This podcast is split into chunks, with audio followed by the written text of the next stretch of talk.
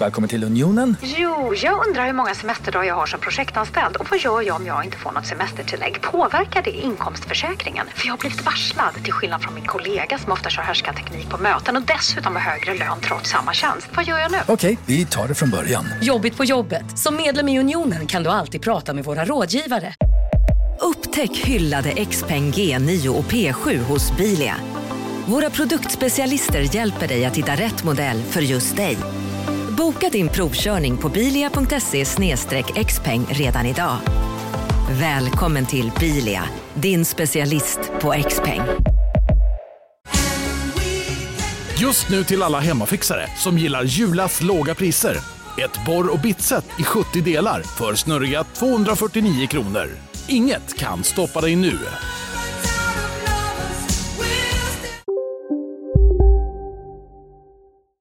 Hej och hjärtligt välkomna till Kulturbarnen avsnitt 18! Dra-ta-ta-ta. Med mig Pontus de Wolf. Och med mig, Ida Thyrén. Härligt! Jag känner en- energin från Värnamo city ända hit. Ja, city att ta i, men ja, Värnamo. nära Värnamo city. Ja, hur är läget med dig? Jo, det är fint. Jag har suttit här, skribblat, skribblat säger man så? Skrivit på på min nya bok och eh, ja, det känns kul, bra faktiskt. Jag hade lite uh, jag hade lite sån här deppig vecka eh, förra veckan. Men det var nog bara Åh, ho- hormonellt, hoppas jag. Jag fattar. Men nu känner jag att jag är tillbaka på banan och eh, det känns kul igen att skriva. Gud vad härligt. Ja men det är så himla lustbundet ju. Ja, men alltså det har jag verkligen märkt från alla de här åren. Jag har, på, jag har, jag har skrivit fokuserat, alltså i princip, kanske inte varje dag, men ja, ganska nära varje dag i ja, 18 år nu. Sen jag var Mm. 17-18 år och nu är jag 36. Så att, och jag har lärt mig en sak av det och det är att ibland suger det, ibland känns det Mm. jättekul. Eh, och på ett sätt så är jag så här, okej, pull through, fortsätt när det känns jobbigt. Men ibland får man bara ta ett steg tillbaka och sen kommer man tillbaka. Men man måste alltid komma tillbaka, man måste alltid fortsätta. Man kan alltid göra Mm. någonting, även om det känns skittråkigt så kanske man kan redigera någon gammal text eller man kan alltid göra något, något litet komma någonstans. Man får bara lite tvinga sig. Sådär. Ja, ett bra sätt om saker känns sådär överjävligt oöverkomliga är väl att börja med det som känns lättast. Ja, precis. Liksom. Kanske Jag ska börja num- numrera alla... Ja, men typ. Ja. Alltså att något som är ganska, ganska liksom statiskt eller Mm, enkelt. Ja, liksom okreativt. Men när man är inne i en fas där man känner sig faktiskt okej med det kreativa. Just nu har jag fått ihop, fått ihop hela strukturen, jag har dramaturgin utlagd, jag vet ungefär vad som ska hända i varje kapitel eller ungefär Mm. hela delar. Och nu äntligen börjar jag landa efter ett års dagligt arbete, börjar jag landa i att det bara känns kul och kreativt. För nu kan jag, då kan jag ta ut svängarna lite mer kreativt när jag vet vilka, vad jag ska göra i princip. Innan var det mer så här, oj vänta lite, jag måste göra en massa Mm. research och bla bla bla. Så att nu känns det Ja. kul. Så att, eh, Gud vad spännande. Får se hur länge det håller i sig, men jag är tacksam för varje dag som jag får någonting gjort. Så det får man Ja. njuta av, lilla, den där timmen, den gyllene timmen av skrivande får man bara fira. Ja. Och din gamla, gamla bok går ju in i liksom tonåren nu och blir pocket. Just det, det kan, så kan vi faktiskt kalla det. Ton, vad fint. Tonåren. Mm. Ja. Ja. men så når man ju en ny, ny publik också, för det tenderar ju vara liksom en annan publik som köper pocket än någon som köper Mm. vanlig inbunden. Sådär. Så att man hoppas kanske nå lite yngre läsare eller lite fler läsare. Mm. Lite mer pendlande läsare. Ja, precis. Flygande läsare, tåg. Jag kan faktiskt passa på, när du, nämnde, när du nämner det, jag ska säga Mm. en sak som jag tänkte säga. Det är att jag ska ju ha releasefest för pocketversionen den 15 oktober. Nu kanske Ja. folk lyssnar på det här i efterhand, men jag skulle vilja be om en, en tjänst från de som lyssnar. Oh. Eh, om ni har gillat den här podden skulle jag vilja be om en sak. Och det är att man går in och typ ratear boken. Det finns massa sidor, man kan göra det på Bokus, man kan göra det på Adlibris, på Goodreads. Mm. Jag vågar inte gå in på Goodreads, för folk är så himla elaka där. Så att snälla, gör det åt mig. Kan ni gå in på Goodreads och ge det, om ni gillar boken, obs! Gillar ni inte den så Ja. kan ni bara skita i det. Men gillar ni den, snälla gå in på Goodreads. För att jag tycker folk är så himla elaka. Jag, jag har typ blockat den, eller jag försöker blocka den sajten på min dator, för jag vill inte få upp den. För det är så Nej, nej, nej. traumatiskt när man får upp alla elaka kommentarer. Men för folk är liksom helt så här, jag vet inte vad det är med Goodreads, som att de värsta sidorna folk bara kommer fram. De bara, "Ah, jag är nörd, jag ska bara, man bara okej, okej. Eh, I alla fall, så gillar man boken, snälla, Bokus, Adlibris, Goodreads eller sån här ljudbok, Nextory, alla sådana sajter, e-bok. Den finns på alla sådana Ja. sidor. Och bara gå in och lägga några stjärnor eller skriva typ en gullig mening. Alltså folk läser det där, det är så sjukt. Alltså, man kan få så här fina recensioner i DN, Svenskan, som jag har fått. Men går du in på typ Mm. Bokus så är det så här, en recension av en läsare och det är den typ folk Mm. läser. så please! Nu när Ja, det är pocketen kommer, jag ber er, jag uppskattade så mycket varenda person som skriver någonting gör faktiskt stor skillnad för mig. Så jag ville bara säga det. Tack! Ja, Ja. jag är inne där nu och skriver fem stjärnor. Pontus, du, du kan skriva ett an- annat namn. Pontus Ja, just det, just det. DV. Eller vad fan bryr sig? Allt talat skriv Pontus Wolf. Ah, ja. Hur är det med dig Pontus? Det var min lilla avhandling. Jo, det är fint. Alltså, jag tror vi alla är i lite märklig energi nu eftersom eh, sen min eh, odyssé på den schweiziska kanalbåten i Stockholms skärgård där jag DJade så har ju liksom samhället öppnat upp. Ja. Det skedde ju där när vi spelade in vårt förra avsnitt och man befinner sig i ett så märkligt antivakuum. Så här, istället för att så här, vi väntar på att se vad som ska hända så har liksom för mycket hänt typ. Alltså man, jag känner mig helt överväldigad av att folk gör så mycket saker. Man måste bygga upp kapaciteten stegvis. Liksom. Man är inte beredd på Ja. att ta emot all den här energin. Exakt. Jag, eh, jag firade av min, eh, min postrestriktionsraket med en gång där i onsdags i förra veckan och blev bjuden på Skalarevyn. Känner du till Skalarevyn? Ja, det är väl lite teaterrevy-stil, misstänker jag. Det är lite, lite teatrigt. Um, eh, Skalarevyn äger rum på Skalateatern i Stockholm som eh, del, delägs av Henrik Dorsin. Eh, en av våra finaste svenska komiker. Aha, Så, och okej. han, eh, Ingen aning, ingen koll. han, han skriver manus och eh, regisserar då Skalarevyn. Som, eh, som skulle ha gått upp för två år sedan men sen har förskjutits och fördröjts och fått eh, skrivas om liksom i och med att restriktioner har lagts till och ska ha släppts upp och sådär så att den har skjutits upp hela, hela tiden. Ja. Vilket även har skildrats i en eh, SVT-serie som heter Premiärdatum oklart Aha, handlar det om den alltså? förra året. Ja, precis. Aha, liksom okej. lite bakom kulisserna hur man anpassar ett verk efter som, som liksom ska vara tidsreferensmässigt korrekt och sådär och hur det liksom eh, funkar med för, för att en revy eller en liksom så här komisk pjäs eller sånt som anspelar på verkligheten måste ju vara jätteaktuell Jo. Mm. hela tiden. Särskilt en revy. Och då, om den skjuts upp så blir det problematiskt för att som vi var inne på förra gången, man får ingen chans att liksom testa skämten. Eh, och det, det är så regeringskriser och sånt så att plötsligt funkar inte Stefan Löfven att ha med. Till exempel. Om han, om han plötsligt liksom avsätts eller eh, avgår Ja. så, så får ju det numret liksom göras om och sådär. Så det verkar ha varit klurigt men det är också väldigt spännande att det är ju liksom en show som har skrivits som är superaktuell just nu. Alltså väldigt mycket annat som går upp är ju sånt som så här det, skulle gått upp. borde ha gått upp Ja. ja, för två år sedan. så Just att det. det liksom släpps i sin 2019-version Mm. fast nu. Alltså det är liksom inte eh, det är liksom inte gjort för nutid egentligen. Det kommer jag man- komma vi- till snart. Ja, vad Ja, härligt. mm. Nej, men det känns som att vi har svin mycket kultur att ta igen. Mm. Liksom.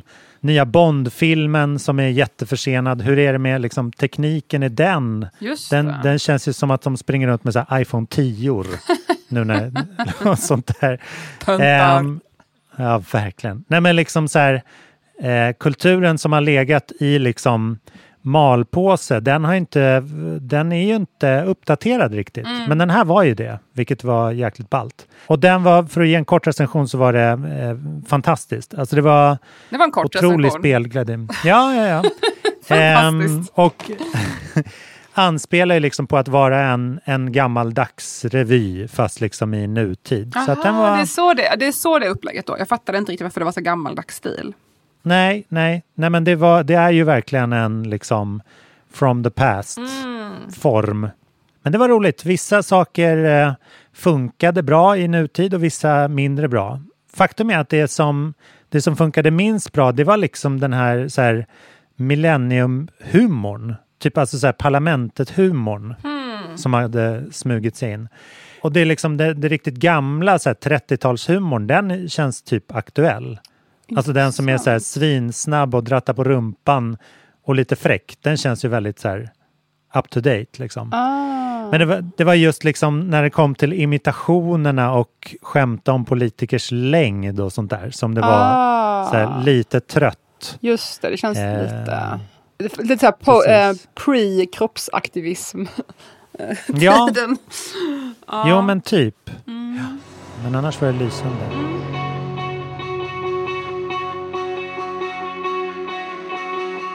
Jo, men jag var ju på teater i fredags. Jag var på Oh. Irakisk Kristus på Teater Galeasen. Och Mm, eh, right. herrejävlar. Det var min korta recension. alltså, jag, det, gav det intryck? alltså jag säger bara så här. Om du lyssnar på det här och har möjlighet att gå på teater och du bor i närheten av Stockholm. Gå inte, spring till Oh. Galeasen. Jag bet på naglarna där, vad ska hon säga? Men eh, vad häftigt! Vad, Nej, är, ja. vad är det för någonting? Vad är en irakisk Ja, Kristus? vad är det, det är så här att den här pjäsen är en bearbetning av en eh, roman av Hassan Blasim, som är en irakisk eh, författare som hamnade i, eh, hamnade i Finland. Jag är inte helt säker på om, omständigheterna, jag tror att det var efter Irak, alltså Irakkriget eh, 2001, 2002. Ehm, Och han jobbar som, i alla fall i, i pjäsen, jag, jag, jag har inte hunnit läsa boken ännu, det är en ganska kort bok på typ 150 sidor, finns i pocket. Ehm, den var en, en, samling av berätt, som en samling av berättelser, eh, lite så här lek med tusen och en natt-temat fast det är olika flyktingars berättelser och sådär. Fast det är lite så på gränsen till surrealistiska. Men jag har faktiskt inte läst boken, jag tänkte läsa den till idag men jag har inte hunnit. Ehm, så den är ganska kort som sagt, så jag ska se om jag hinner läsa den till framöver här. Men väldigt, väldigt omtalad när den kom. Och nu har den då bearbetats ehm, och regisserats på Galeasen av Nathalie Ringler. Och shit vad grym hon är. Alltså jag är ett fan av Nathalie Ringler vill jag bara säga. Ehm, jag är inte bekant med henne sedan tidigare men jag är så imponerad av regin. Alltså för det, det är ju svårt att göra en eh, pjäs av en bok som är så komplex. För det är olika berättelser, det är surrealistiskt, det är krig, det är liksom hit och dit och dit. Ehm, Och det är flyktingar från olika platser och olika berättelser som vävs samman. Och samtliga skådespelare spelade, i princip alla utom huvudrollen spelade flera olika roller. Och kortfattat så eh, huvudrollperson kan man säga, eh, skådespel, skådespelaren heter eh, Kardo Mirza. Han spelar Hassan Glasim själv, alltså då författaren till boken. Ehm, Och han är som en slags nav för berättelsen. Och man får följa hans liv och hans utmaningar med alkoholism och eh, prata om olika, hans egna berättelser om hur han hamnade i Finland och andra människors flyktingars berättelser om hamnade i Finland eller på andra platser. Och, eh, han, han jobbar som, ö- som översättare från eh, till finska då, så han träffar på olika flyktingar på Migrationsverket. Ah, ja. Och, så de här berättelserna vävs samman i någon slags väv eh, och hoppar fram och tillbaka och sådär. Så det är alltid nästan på gränsen till surrealism. Och det börjar, första scenen börjar med att en vit kvinnlig skådespelare, eh, Cecilia Nilsson, spelar en ung eh, man. Irakisk man typ. Så då fattar vi att okej, vi har lämnat eh, verklighetens identitetspolitik och är nu i så här, surrealismens värld. Liksom. Så Ja. att, eh, all, vem, som, vem, kan, vem som helst kan spela vem som helst. Så att de skådespelarna hoppar verkligen mellan olika roller och så man får liksom bara hänga på den här resan. Och man får följa kriget och sådär, krigets fasor på olika sätt och berättelser och hur, hur min... Man kan säga att mycket handlar om så här, hur minnet och trauma inte helt pålitligt, men också flytande. Typ, Vad minns vi? Och trauman kan kännas väldigt annorlunda i efterhand och sådär. Och det intressanta är att Ja, vad intressant. Ja, och det intressanta är att publiken på teater generellt i Sverige skulle jag säga är ju väldigt liksom medelklass, förhållandevis främst vit, alltså främst kanske me- medelålders plus egentligen. Jag tycker ganska ofta när jag går på teater att jag tillhör den yngre delen. Eh, Särskilt när jag var ännu yngre, men ofta är ju folk sådär 50-60 plus på teater. Eh, så om man då tänker att det sitter liksom 60-70 pers, som flesta är typ vita 50 plus, och så handlar det om krig i Irak. Det, det, alltså, man får ju tänka sig också när man gör en pjäs, tänker jag, vad är målgruppen, vilka kommer kolla på det här? Eh, och jag måste säga att det här var så omtumlande att se den här pjäsen. De har verkligen använt ljud, ljus, upplevelser, det kommer bomber, det, kommer, det blixtrar, så här blinkande ljus. Alltså jag fick Oj. typ så här stress av att kolla. Alltså jag blev så känslomässigt påverkad av att titta på pjäsen. Och då kan jag bara tänka mig hur det skulle vara om jag själv hade upplevt krigets fasor, eller om jag hade typ PTSD från eh, Saga, krig till exempel. Det skulle bli jättetriggat tror jag att se på den här pjäsen. Så jag, den funkar väldigt bra för en tittare som mig själv. Men jag skulle kanske inte rekommendera den till någon som själv har upplevt de här grejerna för att det kan nog vara väldigt, väldigt triggande tror jag om man själv har gått igenom den här typen av trauman. Men det hjälpte mig som en person som är väldigt, väldigt privilegierad och har varit skyddad från de här, de här sakerna att förstå lite mer hur det känns att leva i en krigsmiljö eller befinna mig i en plats där det är under, under hot och det är dö, folk dör. Ja, och liksom. Så att plötsligt var det väldigt effektivt användning av mediumet, alltså teatern. För att hade man sett det här på film, då finns det ju alltid en distans. Man kan stänga av, man kan ta lite popcorn, man kan liksom, aha, det är underhållning nu och action och hit och dit. Men här var det liksom riktiga människor som var bara några meter framför en som upplever de här sakerna och det är så himla nära en på och ljudet kommer från alla håll och ljuset kommer från alla håll och man är instängd i det här rummet. Man är väldigt u- eh, utelämnad på ett annat sätt än man är till exempel eh, framför tvn. Så att jag tyckte det var väldigt effektivt att använda just teatern som medium för den här sortens upplevelse. För det blev just det, en upplevelse. Snarare än att det var en tydlig handling från A till B så var det liksom en, en, en matta eller väv av eh, upplevelser framför en. Eh, så det var väldigt eh, kraftfullt och det, som ni hör så var det ju lite åt det experimentella hållet så det var ju inte sådär ett dockhem, liksom, den Nej, pjäs, nej, kända nej. pjäser, utan det var lite mer experimentellt. Men jag tycker ändå att jag gick i sällskap med min kille och han har typ aldrig varit på teater förut i sitt liv. Och han tyckte ändå Nej. att det var väldigt, väldigt drabbande och bra. Så jag tror att den passar ändå en, en publik som inte är van vid teater, även om det är ganska avantgarde. Så jag skulle verkligen tipsa om att se den här pjäsen. Gud, det låter ju sjukt spännande ju. Och eh, verkligen liksom vilken återvändo till, eh, till teater Ja, och eh, liveuttryck som du gjorde då. Och som du sa så skulle den här egentligen, den gick, gick upp först samma helg som Sverige stängde ner. Så den här bara visas Ah, typ för pressen liksom, så den fick lite recensioner då. Och nu kommer den tillbaka. Så att, eh, men det, det, var absolut inga problem att den har legat. Det kändes bara nästan ännu mer aktuellt nu. Så det var verkligen ingenting att det har blivit för, gammalt eller för sena, förlegat. Ja, gud, det är liksom teater och eh, revy. Teater överlag är ju det nya man ska gå på. Det är det om man har saknat liksom mest vill- tycker jag. Allting utan skärmar. Liksom. Den, den här upplevelsen verkligen. Alltså interaktiva Mm. och immersive, eller vad heter det på svenska? Alltså man verkligen är i någonting. Liksom inlevelsegivande. Ja, man har den här lilla pausen när man får ta kanske något att dricka och mingla lite. Och så, den här upplevelsen, åh, det där har man ju saknat så Mm. otroligt mycket. Doften av liksom talk. Doften av såna där fake, lokaler. ja, doften av fake-cigaretter på scenen. Mm. Ja.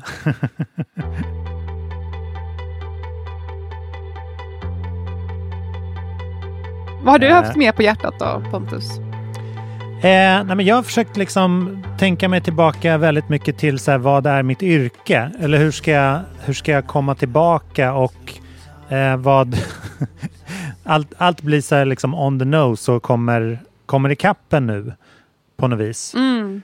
Så att jag har, jag har liksom börjat skriva väldigt mycket musik. För att det är någonstans där jag börjar och slutar ändå. Så att det är liksom där jag måste... Eh, jag har varit så otroligt oinspirerad under pandemin. Dels har det inte funnits några jobb. Oftast är det liksom mycket, mycket pingpong fram och tillbaka och att man, eh, man inspireras av vad andra gör och eh, slås ihop och får idéer och sånt där. Eh, det mesta, när artisteriet liksom ligger nere så finns det inte så mycket mening att skriva en låt. Liksom. Om det inte finns så många som förmedlare åt en. Om man liksom jobbar som Mm, låtskrivare åt det. andra. Eh, då snubblade jag faktiskt över en liten trend inom låtskriveri som ändå har funnits under pandemin som, som jag kan tycka mig se. Jag vet inte om du har hört eh, Justin Biebers låt Peaches. Är det den här kristna, nej? Han, eh, huruvida han är kristen eller inte vet jag inte. Men, eh, Jo, men han är ju jättekristen nu. Han har ju blivit jättekonverterad, höll jag på att säga. Han är jätte...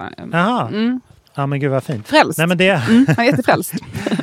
han och Hailey gjorde väl en liksom såpa eller vad man ska säga. Eller en Aha, serie där de liksom Okej. mådde lite skit. Men sen så har han börjat skriva och släppa musik igen. Och förra året kom låten Peaches som blev liksom en stor eh, mega-hit.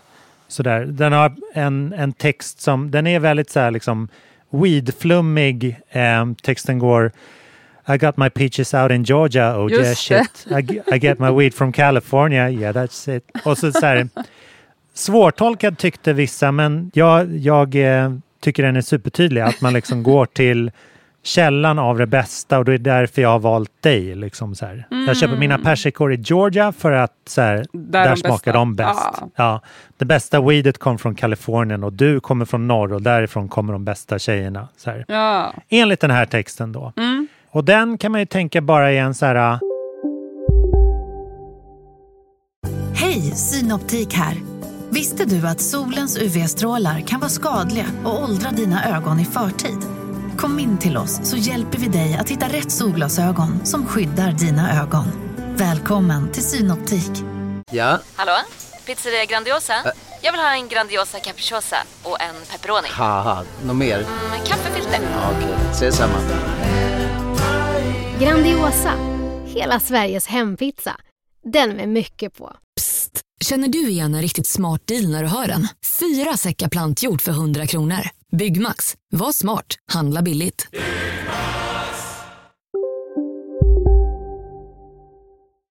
Gud vilken skön låt. Liksom. Fram tills idag. Och det här är ett litet scoop.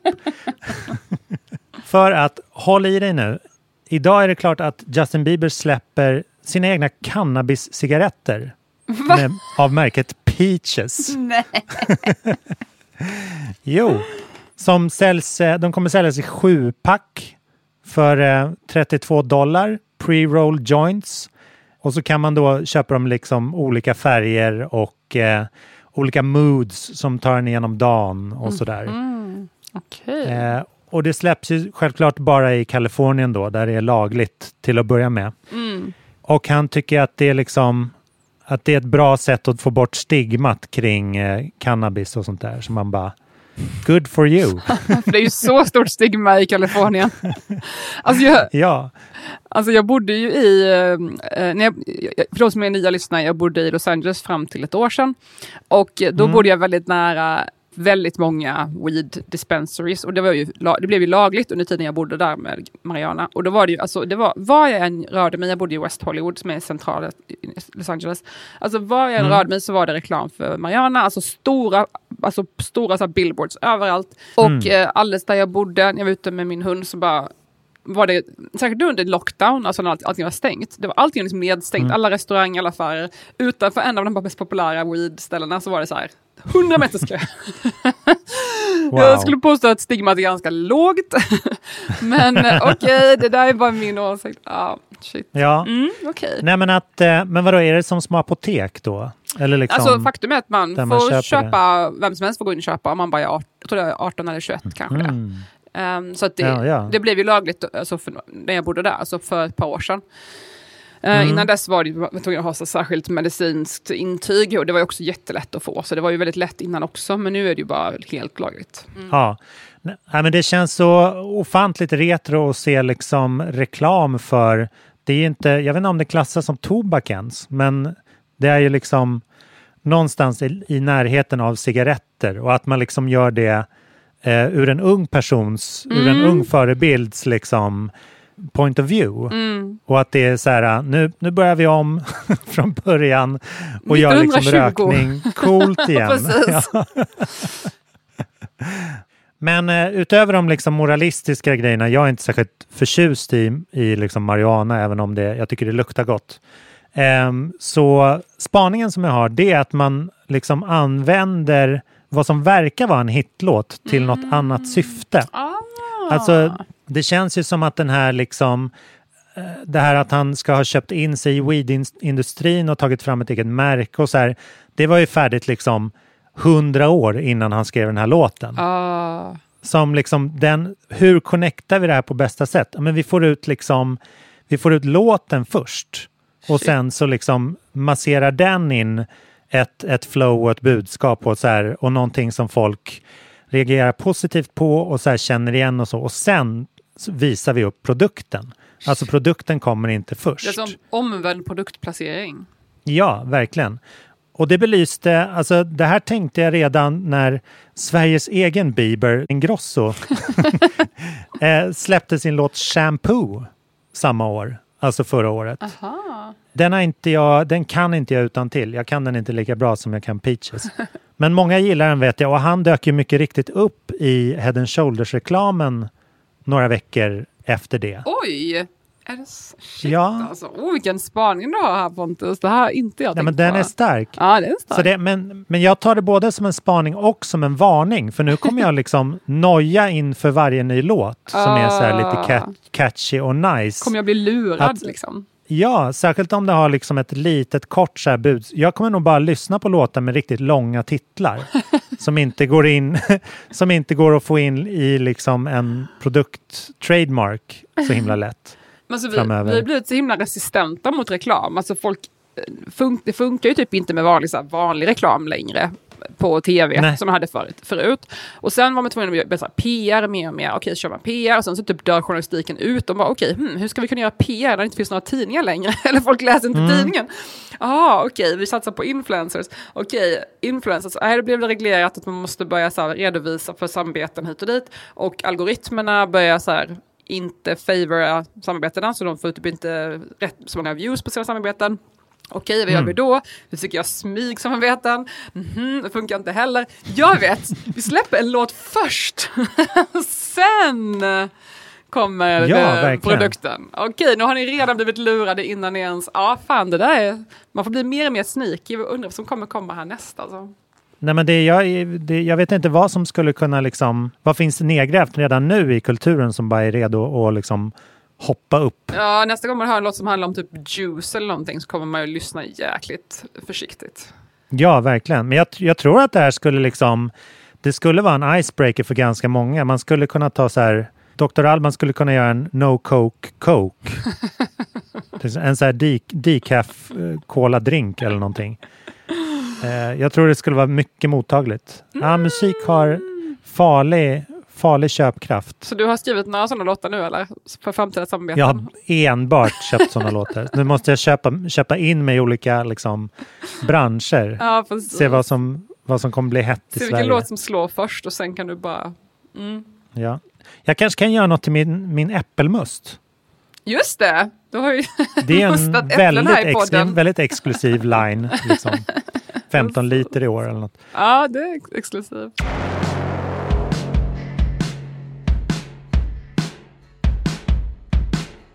Vi har ju lite gäster, eh, musikgäster i varje avsnitt som vi bygger våra jinglar och eh, vignetter och intron av. Ja! En ny artist eller grupp varje vecka. Och ehm, den här veckan fick jag ett mejl från självaste Shout Out Louds Nej, vad som kul! ville vara med i podden. Ja, eh, Adam och gänget. Det, man får ju verkligen en så här... Då vet man att, att världen är tillbaka i rätta liksom, hjulspår när Shout Out Louds släpper nytt. då, då är det inte pandemi längre. Nu kör vi! Mamma, Ja. I made it! Shout out loud skrev till oss. Verkligen. Eh, I fredags så släppte, släppte de sin nya singel As far away as possible. Och de är tillbaka med Björn Yttling, deras eh, hitproducent som, eh, som de gjorde Our Ill Wills, den här liksom, deras mest framgångsrika skiva för typ tio år sedan. Björn som är björnen i Peter, Björn och John och har producerat Lykkeli och några sådana där. Härlig person. Mm. Eh, Så det låter bekant men ändå obekant. Men liksom rått och eh, minimalistiskt och sådär. Och de spelar ju på Propaganda nu i helgen. Den Mm. nionde. Headliner där. Jag vill jättegärna gå på propaganda. Men eh, ja, jag skulle också vilja, om jag inte skulle till Gotland och stänga igen mitt hus. Propaganda kommer ju vara i Follan i Slakthusområdet i år. Eh, så det är lite, lite mindre upplaga när det är till exempel vid Eriksdalsbadet som det brukar vara. Men eh, jag antar att de måste ha planerat det så såklart. För att det ska ha varit eventuellt lite färre folk. Nu kommer de ju få ta in hur många de vill, I guess. Shit vad kul för Eh. dem. Hoppas det blir riktigt mycket folk nu då. Ja, verkligen. Friskt vågat att eh, arrangera en festival innan man visste Ja, om det skulle vara genomförbart eller inte. Mm, kul att folk kör. Alltså. Otroligt, otroligt. Pontus, är du Ja. bekant med det här uttrycket gaslight, gatekeep, girlboss? Oh, jag hörde, när jag kan det i, mitt, i sitt sammanhang. Berätta. Nej, jag bara undrar om du har hört uttrycket. Men man kan bli gaslightad ju. Okej, du vet inte. någonting. Jag ska förklara. Okej, bra. Tack. Nej, för det här är ett uttryck som har blivit populärt på www. Eh, Sista, jag skulle Mm. säga sista månaderna, skulle jag vilja säga. Det är min personliga Mm. finger, min, finger till luften. Eh, Det var Ja, nämligen, så här att eh, särskilt uttrycket girlboss har varit ganska stort senaste um, par åren ehm, och även gaslight i sig. Och sen har vi då Mm. gatekeep. Så de här, alla de här tre begreppen har agerat självständigt med varandra i olika sammanhang senaste åren. Eh, jag ska berätta mer strax. Men nu har de börjat användas som ett litet mantra tillsammans Mm. eh, som en kommentar på ett fenomen. Jag kommer alldeles strax förklara. Dels är så här att man kan säga att gaslighting, det ordet populariserades för min uppskattning kanske fem år sedan. Eh, jag kommer nämligen Mm. ihåg att jag höll på att googla på det och sådär och det var fortfarande ganska okänt i Sverige och jag skulle skriva om det i någon, en, en artikel och sådär. Så att, ehm, jag för mig att det var ungefär fem år sedan.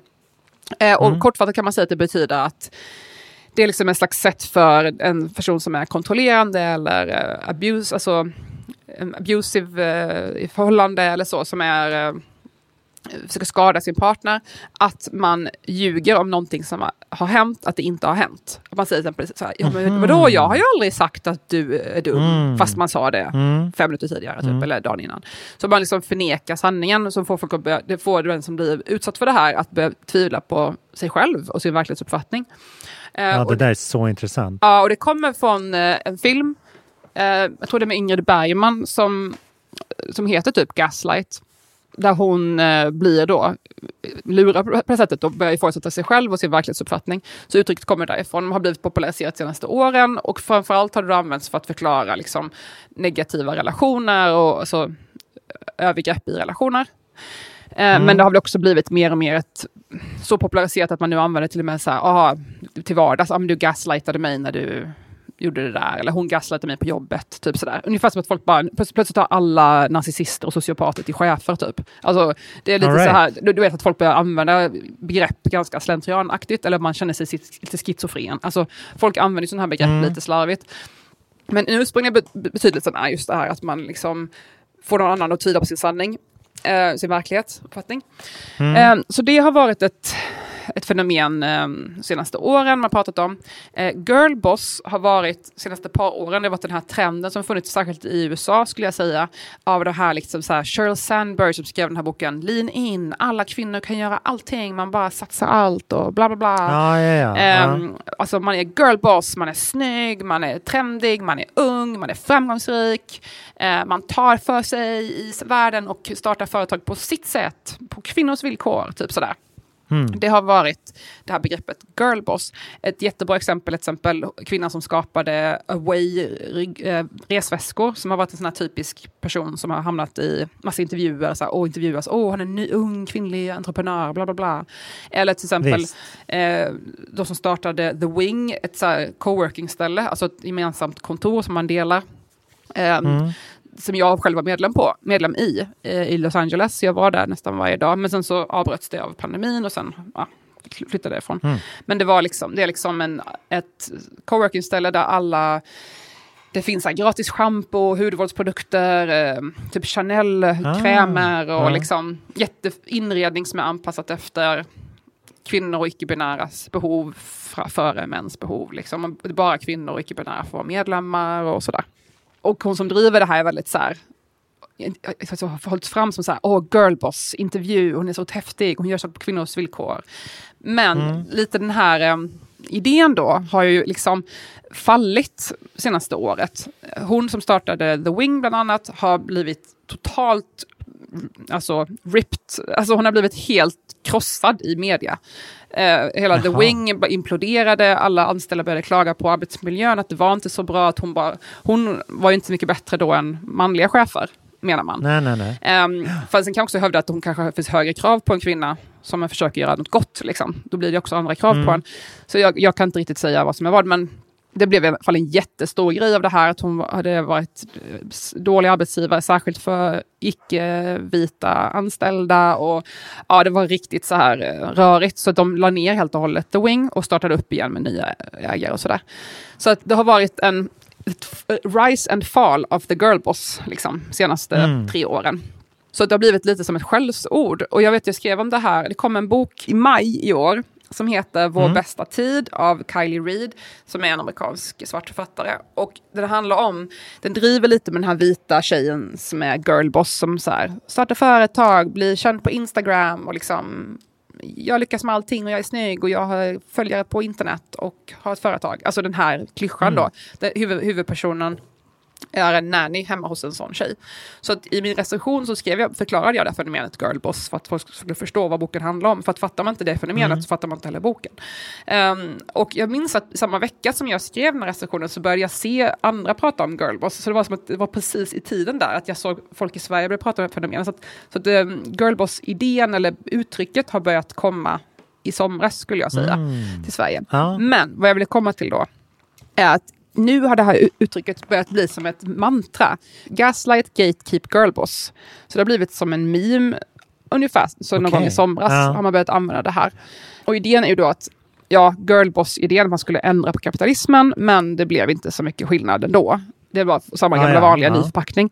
Och nu har det blivit som ett sätt att beskriva, så här, varje gång man ser någon så här, jag vet inte hur jag ska förklara det, en, en, den här samma stil. Så här, vita kvinnor som ska så här, ändra världen. Mm. Fast egentligen Mm. vill de inte riktigt dela med sig. De är så här, jag håller ändå lite så här, glastak för att skydda mig själv. Mm. Det är som en slags eh, pinkwashing eller så här, feministwashing av kapitalism. Fast det egentligen är samma gamla grej, fast på ett annat sätt. Ja, jag fattar. Så nu, är det, nu kan man se den här kommentaren på Twitter eller på TikTok så här, när folk kommenterar eh, när någon beter sig lite naivt eller lite blint så kan man få den här kommentaren. Mm. Gaslight, gatekeep, girlboss. Så det där precis. är våran samtid, skulle jag säga.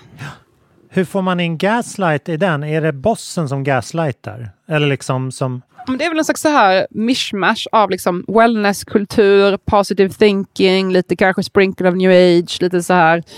gör- Mm. Du, kan, du kan göra vad du vill, eh, självhjälp. Eh, men liksom samtidigt så här lite, man kanske fake it till you make it. Jag vet inte, det är någon slags Mm. mishmash av alla de här grejerna. Alltså på ytan är det någonting som är så här, det är bra, vi vill ha kvinnliga chefer. Fast det är liksom, man, man kan använda det som en slöja för att egentligen bara liksom Ja! ta, ta en manlig chefsplats typ. Ja, men lite sådär. Alltså, lite såhär, det är lite såhär, en, lite såhär tom empowerment. Såhär, låtsas eh, Mm. empowerment, typ. Eller som jag Mm. såg någon som skrev här på en artikel. Det är som en slags live, laugh, love. Falsk, såhär, toxisk feminism, typ. Som egentligen bara är fake. Mm. Så egentligen bara vill upprätthålla sina egna privilegier, egentligen. Fast inte riktigt så här. Det är lite villkorad feminism på något sätt. Ehm, Ja, jag förstår. Så det, ja, det är lite intressant eh, samtidstecken på något sätt. Ja, verkligen. Just så här girlboss som uttryck, det smutskastar ju alla kvinnliga chefer eller som aspirerar på liksom ledarskapsroller. Nej, men bara att det begreppet har liksom smutsats ner Mm. gör ju att det blir svårare och hävda att så här, kvinnor borde också ha makt. Typ. Ja, det, det är två aspekter av det här. Det ena är ju att all, det är alltid tjejer som får hårdare straff än män. Det är lite som att Mm. vill man framstå som att man är en schysst person så kommer det straffet vara hårdare om man misslyckas än om man bara, nej men jag bryr mig Mm. inte om någon annan, jag vill bara ha pengar. Alla bara, okej, vad ska man, Mm. okej. Eh, Men om man låtsas att, eller vill väl, eller säger att man vill väl, då blir det ju hårdare straff om man misslyckas med det. Ehm, Men Mm. kvinnor får ju ofta ett mycket hårdare straff än män i sådana här grejer. Men det är också just den här känslan att man säljer empowerment. Bara vi säljer att kvinnor kan allt. Fast Mm. bara vissa kvinnor, bara vita kvinnor, Ja, bara ja. snygga kvinnor, bara rika kvinnor. Alltså, det, är- det är lite så falskt på något sätt. Man, man låtsas att det är för alla, fast egentligen är det bara för en liten, liten privilegierad grupp. Ja men verkligen. Ja men då så Ida, Mm. då är det bara liksom nu har vi fått eh, andas lite, djupandas och eh, ta nytt syre. Då är det bara att dyka ut i kultursvängen igen. Vi behöver vår flygande reporter konstant Ja. i fält. Exakt. Är det något du ser fram emot i veckan som kommer? Nej, men som jag nämnt tidigare, det kommer ju vara en eh, konstmässa, Supermarket, som kommer vara eh, 14 till 17 oktober. Som jag tycker man kan spana in om man är sugen på lite samtida konst. Ehm, Just precis. och sen så tycker jag, kolla in teatrarna. Jag kommer fortsätta gå på teater. Så det är bara att passa Mm. på nu när allting eh, finns igen. Och sen välkomna på min releasefest om man är i Stockholm. 15 oktober. Det kommer bli underbart. Ja, jag jag kommer ska- komma. Jag ska köpa jättemycket bubbel. Så Ja. det kommer bli mycket bubbel. Ja, det ska bli kul. Vi hade en, en fantastisk bokutlottning här i veckan som fann sin vinnare. Kommer man få chansen att vinna din pocket också eller? Ja, men absolut. Det tycker jag vi gör. Vi gör lite utlottning, absolut. Man kan hitta oss, Ja. lägg till oss på Instagram och så gör vi väl någon utlottning där då.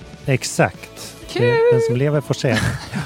Ja men ha det så fint då. Roligt att prata med dig som vanligt. Detsamma Pontus, ha det så fint. Och tack alla som lyssnar. Tack snälla ni. Vi hörs. Hej då!